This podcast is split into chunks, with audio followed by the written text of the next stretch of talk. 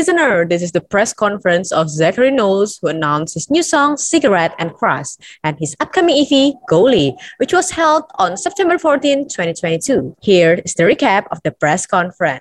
Before we go to your music, could you please introduce yourself first and tell us how you began writing music?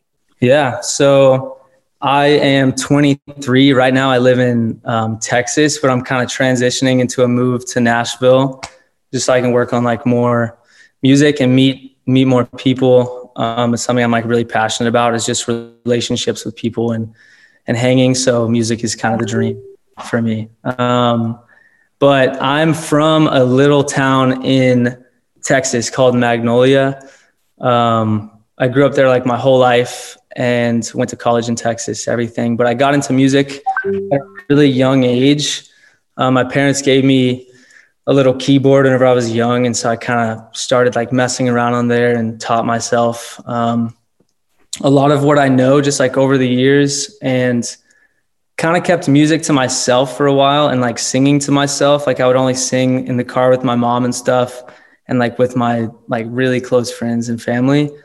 Um, somewhere along the way, though, in junior high and like high school, I started putting out some some like covers and stuff on YouTube and on SoundCloud, and people at my school uh, started like hyping me up, and that was kind of the first like switch I had where I was like, oh, this is kind of sick. Like maybe I should share this.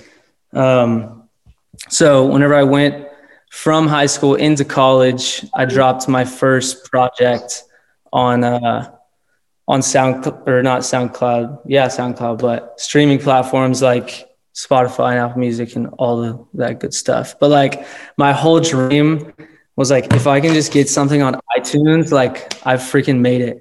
So whenever I got into college, I put that EP out. I was studying business at the time.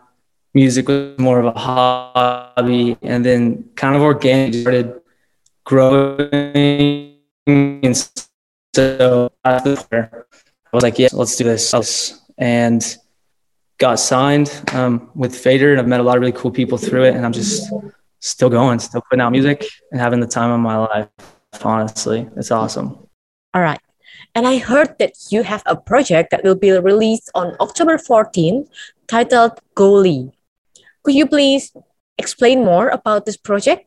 Yeah, of course. Um, Goalie, the project is basic about um, like it's like a battle with self. It honestly is about health. Like over a year, year and a half ago, I was kind of dealing with some like mental health stuff.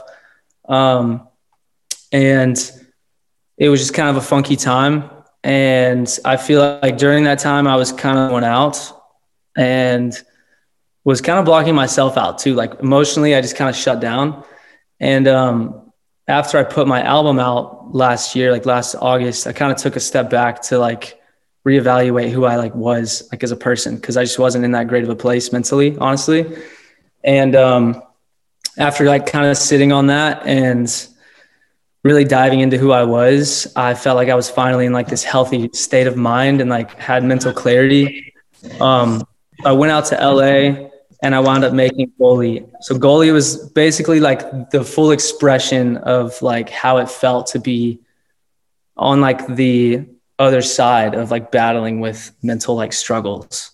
So a lot of the songs dive into that. Like it sounds like a conversation with someone, but really it's like a conversation with myself. Um, and talks about like mental struggles and stuff. Honestly, I just like wanted to be really straight up and personal with this project. So I talk about like real things that were like pretty hard. But I would say the difference between like this one and my album, um, I think because the nature of the project is like really personal to me and talks about real stuff, I wanted the production to kind of mimic that. So I use a lot of like real drums and like electric guitars. I wanted it to have like this raw feel production wise. Um, and I wanted it to like translate live well, um, which is something I didn't super focus on with my album. I was more so just like enjoying making songs. And so with Goalie, I was like, all right, I want to make songs that are raw, super, super real, and that I could see myself like playing live. Um, yeah, so it's like a little more gritty, like a little more rough around the edges intentionally. Uh, but I love it. It's some of like my favorite work to date for sure. Wow. And you've released a new song, Cigarette. What is the inspiration behind the song? Yeah. So Cigarettes was like one of the first songs that I wrote on that trip that I was talking about. Um, like whenever I got out to LA, I felt like I had a lot to say. And I was like, I just want to make something like that's like a super stripped, like way more chill version, but the actual like production of the song is like very gritty, very like driving and upbeat. And I wanted something that felt like how it feels to deal with like mental struggles and stuff. So it's like really gritty, um, like distorted guitars, really like upbeat and driving. Uh, yeah. Okay, that's amazing and interesting. And you're also a songwriter, right?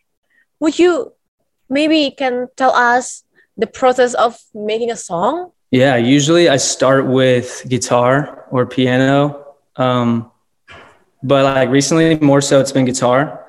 And i honestly just mumble a lot. Like i'll come up with some chords i like and i'll play through them and i'll just mumble a bunch of melodies until random words like pop out or a melody pops out that i'm like ooh that's sick. And then i'll record it on a voice memo and kind of just like structure the song. Like once i get something i feel feels like a verse. I'm like, all right, cool, that's a verse. All right, that felt like a pre, that felt like a chorus. And then I kind of just. Do you have any favorite place to write songs? Favorite place to write? I love writing with other people a lot. I like writing by myself too, but it's easier for me to like, it's easier to get in your head whenever you're by yourself. So, and I love like relationships anyway. So I don't know if I have like one specific place. I think it's just like each time I meet up with people like at their house or studio, those are like my favorite places to write, like in the rooms with others. Okay, Zachary Knowles, and you have another song, Crush. Could you please tell us the inspiration? Um, usually most of my stuff leans like sad, and I always like challenging myself with like a happy vibe. I think it's like a little bit harder for me, honestly. Um, and I kind of just went into that session like I want to write something that kind of feels like romantic. Um, is like pretty stripped back. It started out like pretty stripped back, and then it turned into like what it is now. Um, but I just wanted something that was like straight up happy and like talked about my personal life too, because I don't like talk about that a ton in my music, and it's something I want to talk about more. And that one's just about my wife and my relationship with my wife, like from junior high to where we are now, because we met in junior high, and then dated for a super long time, and then got married. Um, so yeah, it kind of just like mimics the the nature of a relationship. Like started as a crush, and now it's like really serious, but it still feels after after we've known each other for so many years that it's like still that like crush type energy, like crush type love. So yeah, it's kind of what I wanted to write. Wow, that's wonderful. And do you have any message that you want to deliver to the audience through Crush? I, I think my main hope is like, I always just want people to connect somehow. Like, I think music is a really, really cool way for people to um, feel heard. And I think that's a huge goal of mine is like, like there have been several people that have reached out and been like, yo, this song like helped me through anxiety or depression or or like a bad breakup or whatever. And I think that that's super cool. I think music's really, really powerful in that way.